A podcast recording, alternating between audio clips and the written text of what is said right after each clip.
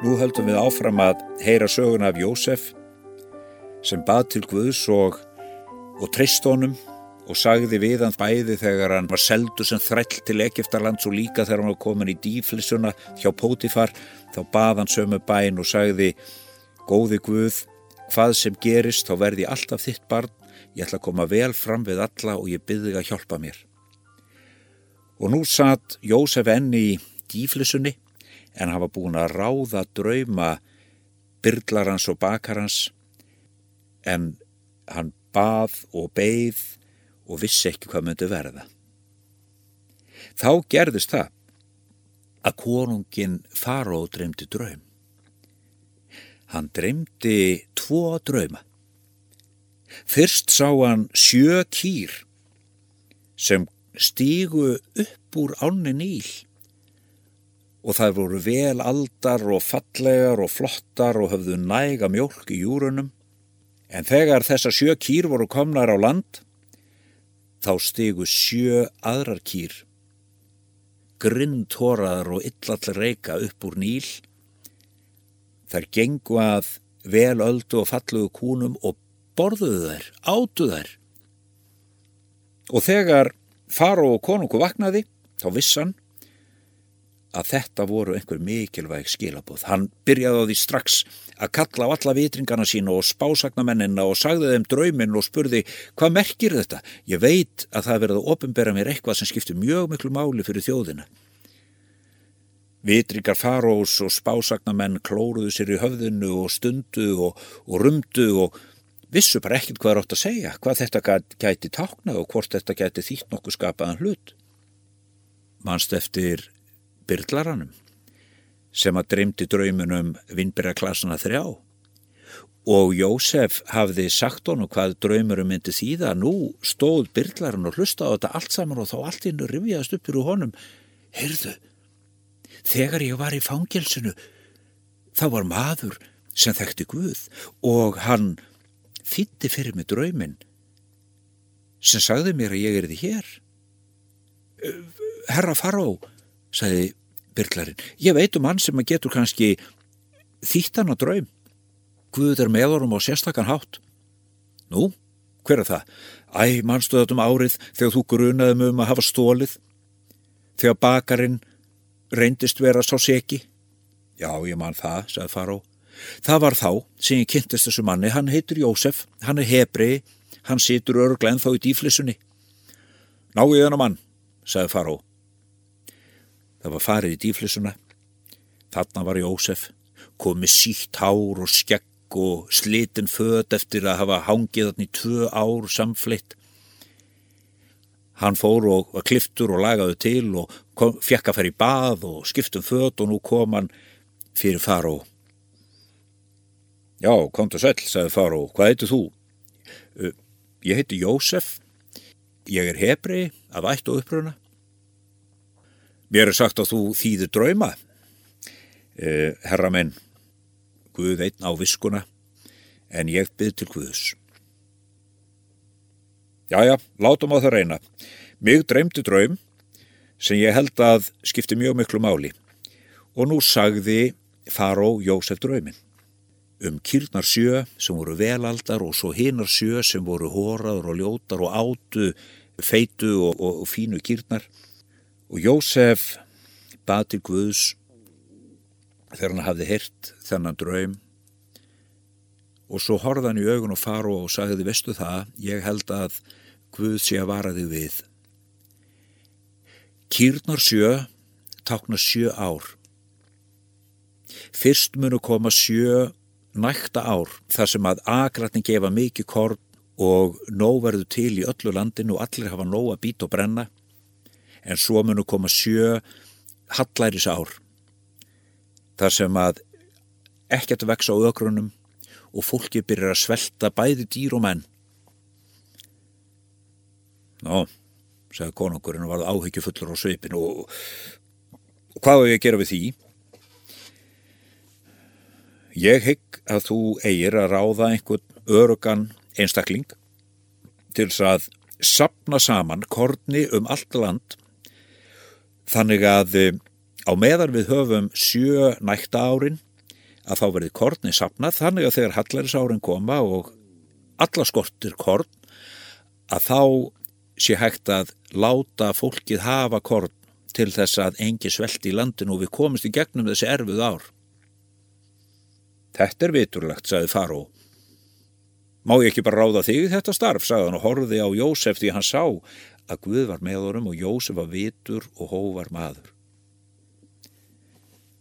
Ef að þú vilt það þá hefði ég áhugað því. Ég hef búin að vera nógu lengi þessari dýflissu skal ég segja þér.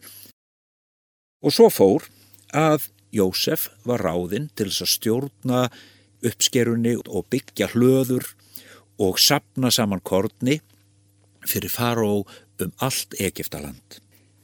Nú er þú settur til þess að vera næst ráðandi við hliðin á mér, sagði faró og það er allir að hlýða því sem Jósef segir. Heyriðu það, sagðan við alla sem voru í kring, alla hyrðina og alla embættismennina. Jósef mun ganga mér næstur og það hlýða allir því sem hann segir. Og nú fór Jósef um að sapna kortni og það gekk vel.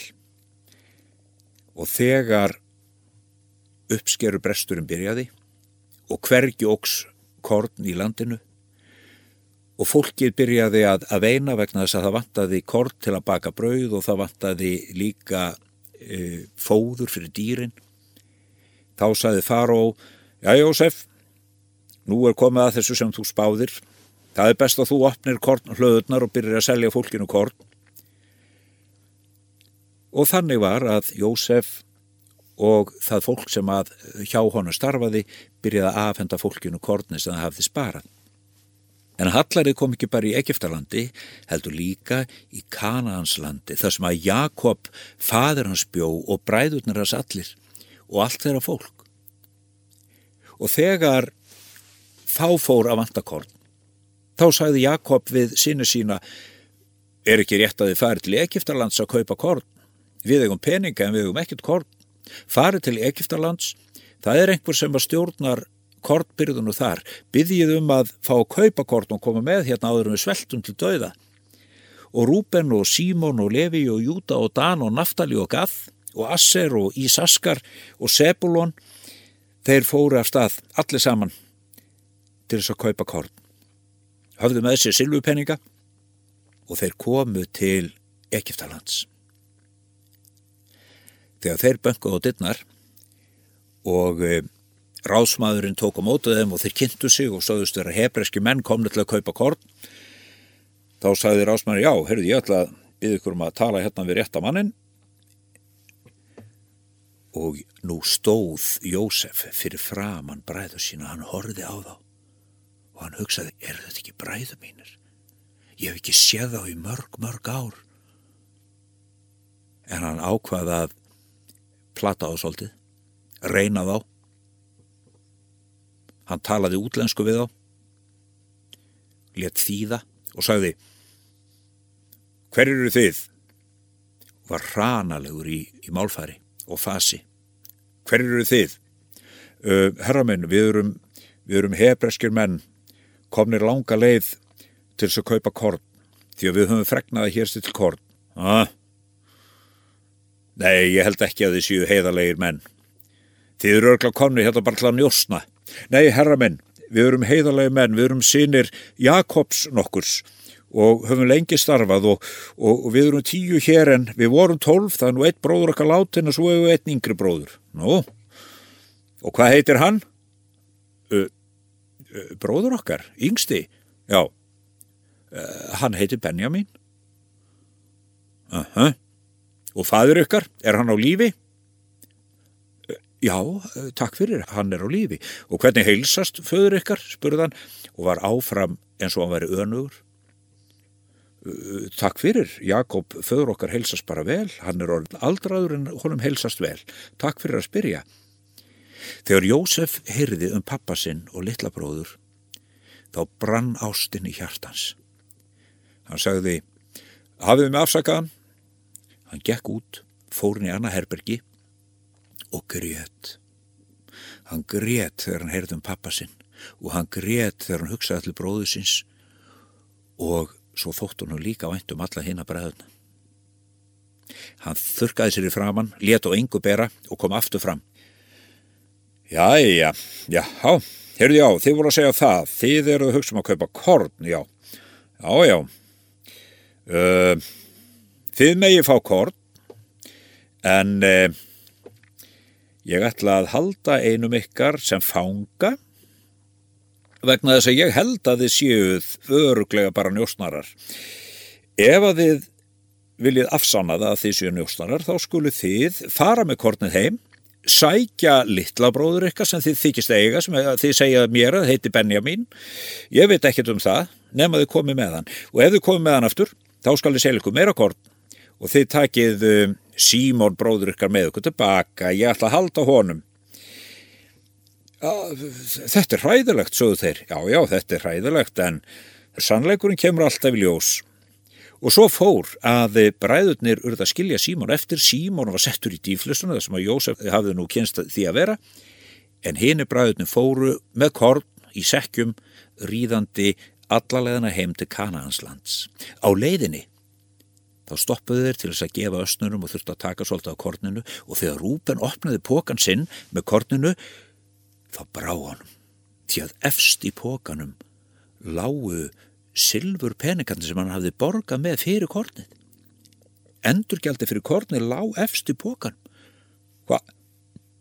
Hvað mun maðurinn halda? Fyrst heldur hann við síðan njósnara, nú mun hann halda við síðan þjóvar. Og þegar þeir komið heim til Jakobs föðusins þá uh, bráðum þegar þeir opnuði alla hinapókana því að þar lág silfrið líka efst í hverjum póka. Þeir höfðu samsagt ekki borgað neitt, ekki skilið neitt eftir fyrir kornið. Mikið er þetta skrítið.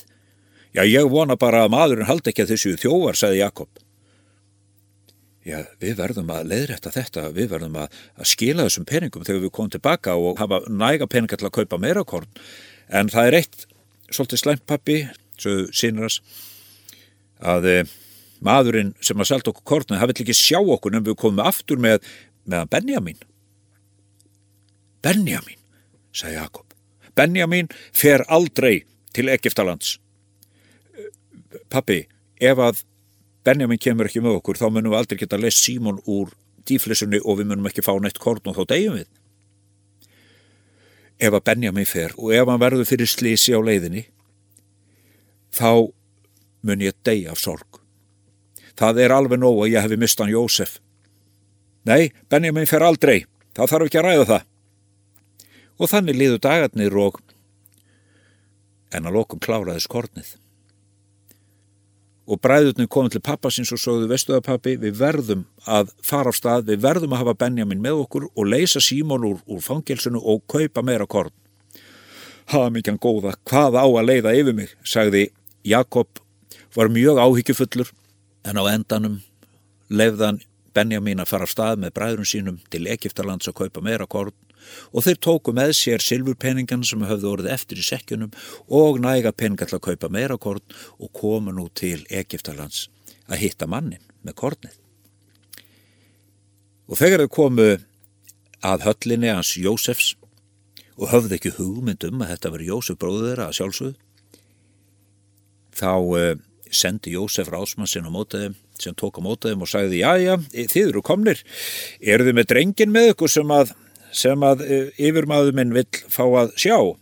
Já, hann, hann er hér, sögður og bent á Benjamin bróður sinn. Já, þá skulum við koma inn, það er búið undirbúið hérna mat handa ykkur. Og þeir gengu inn í, inn í höll Jósefs og þeir var raðað niður við borð og þeir settustu borðið þá horfðuðu hver og annan vegna þess að þeim var raðað í aldursröð. Þetta var Rúben og Símón og Levi og Júta og Dan og Naftali og Gath og Asser og Íseskar. Akkur sittum við hérna allir í aldursröð. Og svo Benjamin alveg sér. Og svo settist Jósef á mótið þeim við, við sitt borð og let þjóna þeim. Allir fengu eitt skamt nema Benjamin fekk fimm faldan skamt. Og um, þarna sátuður á borðuðu og undrandi á öllu. Jájá, Ágættu menn, ég von allir séu sattir, þá er nú bara um að gera að drífa sig aftur heim. Eh, hér er eh, Símón laus úr haldi eins og þið sjáuð og ég von allir hafi notið matarins. Það er búið að hlaða korninu á asnana ykkar og nú getur þið bara lagt á stað. Já, en herra minn, við þurfum að greiða, þú veist það að allt silfrið sem við borguðum síðast, það fór með okkur og nú viljum við fá að greiða þá tvöfalt verð. Já, já, þetta er allt til skil ákomið, engar áhyggjur. Já, já, þeir loða stað. Þeir voru ekki komni langt út fyrir borgina þegar herrmenn farós komu ríðandi á hestum og sögðu Stansið í nafni lagana! Þeir staðnæmdust og horðu óttasleiknir á herrmannin sem að stýrði og hann sagði Mér grunar að þið séuð búinir að gera alvarlegan hlutt, það hefur horfið sjálfur byggar yfirmannsmýns. Maðurinn sem seldi ykkur kornið hann á dýrmætan byggar með gulli og gimsteinum og hann er horfinn. Já, ef hann finnst í einhverjum poka okkar hér, sagði Rúben sem var elstur, þá skal sá bróðir verða þræll farós hér eftir. Já, við skulum sjá og síðan fóru hermennur opnuðu pókana og viti menn í póka Benjamins leindist byggar Jósefs því að Jósef hafði látið setja byggana þar ofan í. Hamingjan góða, hvernig getur þetta gerst? Sögðu bræðurnir, við, við erum ekki þjóvar. Já, það er nú alveg ljóst að þið eru þjóvar, sagði herrmaðurinn og svo var farið með á aftur inn í höll Jósefs. Jósef horfi á bræður sína sem stóðu óttaslegnir og niðurlútur og miður sín, talaði áfram útlensku við þá og sagði Hvernig gáttu þið gert mér þetta? Ég hef sínt ykkur vinsemt og virðingu og selt ykkur korn og þið stelið byggkarnu mínum. Þið viti hvað hann er dyrmætur, þess vegna hafið þið stólaðun. Og nú ætla ég að taka drengin og gera hann að mínu þræli Eða var það ekki hjá honum? Var það ekki hjá þér? Heitur ekki Benjamin? Var ekki hjá þér sem að byggari fann, skoðu minn? Benjamin horfi óttaslegin á Jósef.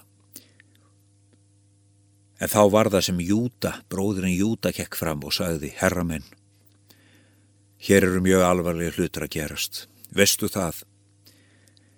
Við áttum bróður sem varð fyrir ræðilegri árás og dó. Benjamin er yngsti bróður okkar og fadur okkar Jakob, hann elskar hann svo mikið að ef við komum heim og segjum honum að hann hafi orðið eftir sem þræll, þá mun hann deyja af sorg. Ég byrði þig, viltu taka mig, ég skal, ég skal vera þræll, farós frekar, ég skal, ég skal frekar deyja, heldur hann að bróði minn þurfa að vera eftir. Ég get ekki leitt á sorgi við föðu minn, ég lofa honum að koma með hann heilan heim. Ég vil frekar degja heldur hann að skilja bróðuminn hér eftir. Þegar Jósef heyrði Júta tala svona fallega og áttaði sig á því að þessi bróður hann sem áður hafði selt hann í þrældóm og jafnvel geta hugsað sér að drepa hann. Þegar hann heyrði Júta tala svona fallega og heyrði hvað hann elskaði pappa sem mikið og heyrði hvað hann sá eftir því að hafa verið svona óheðalegur í lífinu og að nú var nóg komið og hann vildi sjálfur freka degja heldur hann að gera meira rámt. Þá baða hann alla að býða, hann fór afsýðis og grét aðleitt. Hann grét vegna þess að nú vissan að Guð hafði ekki bara hjálpað honum sjálfum, heldur hafði Guð líka hjálpað bræðurum hans til þess að hugsa upp á nýtt og verða betri menn. Hann grét vegna þess að núna vissan að Guð ætlaði að leiða þá alla saman og leiða öll að verða aftur gott. Hann þurkaði sér í framann og hann gekk aftur inn og svo baða hann alla sem að voru samstagsmennans og voru Egiptar að baða á að fara út, hann ætlaði að tala einn við gestina. Og þegar enginn var lengur nálagt og tólkunum sem hafði tólka máli var ekki lengur nálagt, þá talaði hann allt í henn á þeirra tungumálu og sagði Kæru bræður, ég hef skilið allt sem þið hefði sagt. Ég þarf að segja ykkur daldið. Þið ætluðu að gera mér ílt, en Guð hefur snúið til góðs. Ég er Jósef, bróðir ykkar, sem þið selduð í þrældóm. Ég er Jósef sem þið selduð þegar kaupmennir frá Indlandi komu og þið tókum upp úr grifjunni og seldu mig fyrir sylvupenninga. Nú stendi hérna fyrir framann ykkur. Bræðurnir allir stóðu og gátt ekkert sagt. Þeir stóðu bara með opin munnin og galopin augun og skildi ekki hvað hann var að segja. Trúði ekki sínum eigin eirum. Uh, herra minn, hvað ert að segja? Sögðu þeir og krupu niður á nén. Þið þurfið ekki að krupa á nén, ég er bróðir ykkar, sagði Jósef. Og núna veit ég nú er ég búin að reyna ykkur ég let peningana aftur í, í sekkina þegar þið komið fyrra skiptið ég vildi tryggja það að Benjamin kæmi hérna þannig ég fengi að sjá hann. Ég let setja byggarinn í, í sekkin hans til þess að vita hvort að þið myndu fórn ykkur fyrir hann eða hvort þið ætluðu áfram að vera óheðarlegur og grimmir. En nú sé ég að þið elski Benjamin og þið elski pappa og að núna mynduð ekki aftur gera það sem þið gerðu við mig. Og nú ætla ég að byggja ykkur að fara heim og ég ætla að lána ykkur hestvagna og þið skulle fara til pappa og ná í hann og segja honum að hann þurfu ekkert framar að óttast og nú komi hann og þið allir og allt fólki sem ykkur tilheyrir, konundar ykkar og börnun ykkar og allir sem þið elskið og þið skulle koma til mér hingað í góðsanlandið og hér skulum við búa saman því hér er nóg. Því að það verða áfram uppskeru brestir og það, er, það munur líða mörg ár þanga til að við höfum nóg kórn en hér hafið þið allt sem þurfi hjá mér. Og þannig fór að bræður Jósefs fóru allir og sóttu föðu sinn og fjölskyldan samanæðast að nýju í góðsanlandinu og Jósef fyrirgaf bræðrum sínum og hann sagði í viðuvist pappasins þegar Jakob var búin að sjá Jósef. Þá sagði hann við á allir einu bræðu mínir Þið ætluðu að gera mér ílt en Guð snýrið til góðs. Það er allt í Guð sendi og nú skulum við vand okkur og lifa fallegu lífi og vera vinir og standa fallega saman sem fjölskylda. Og þannig helt lífið áfram.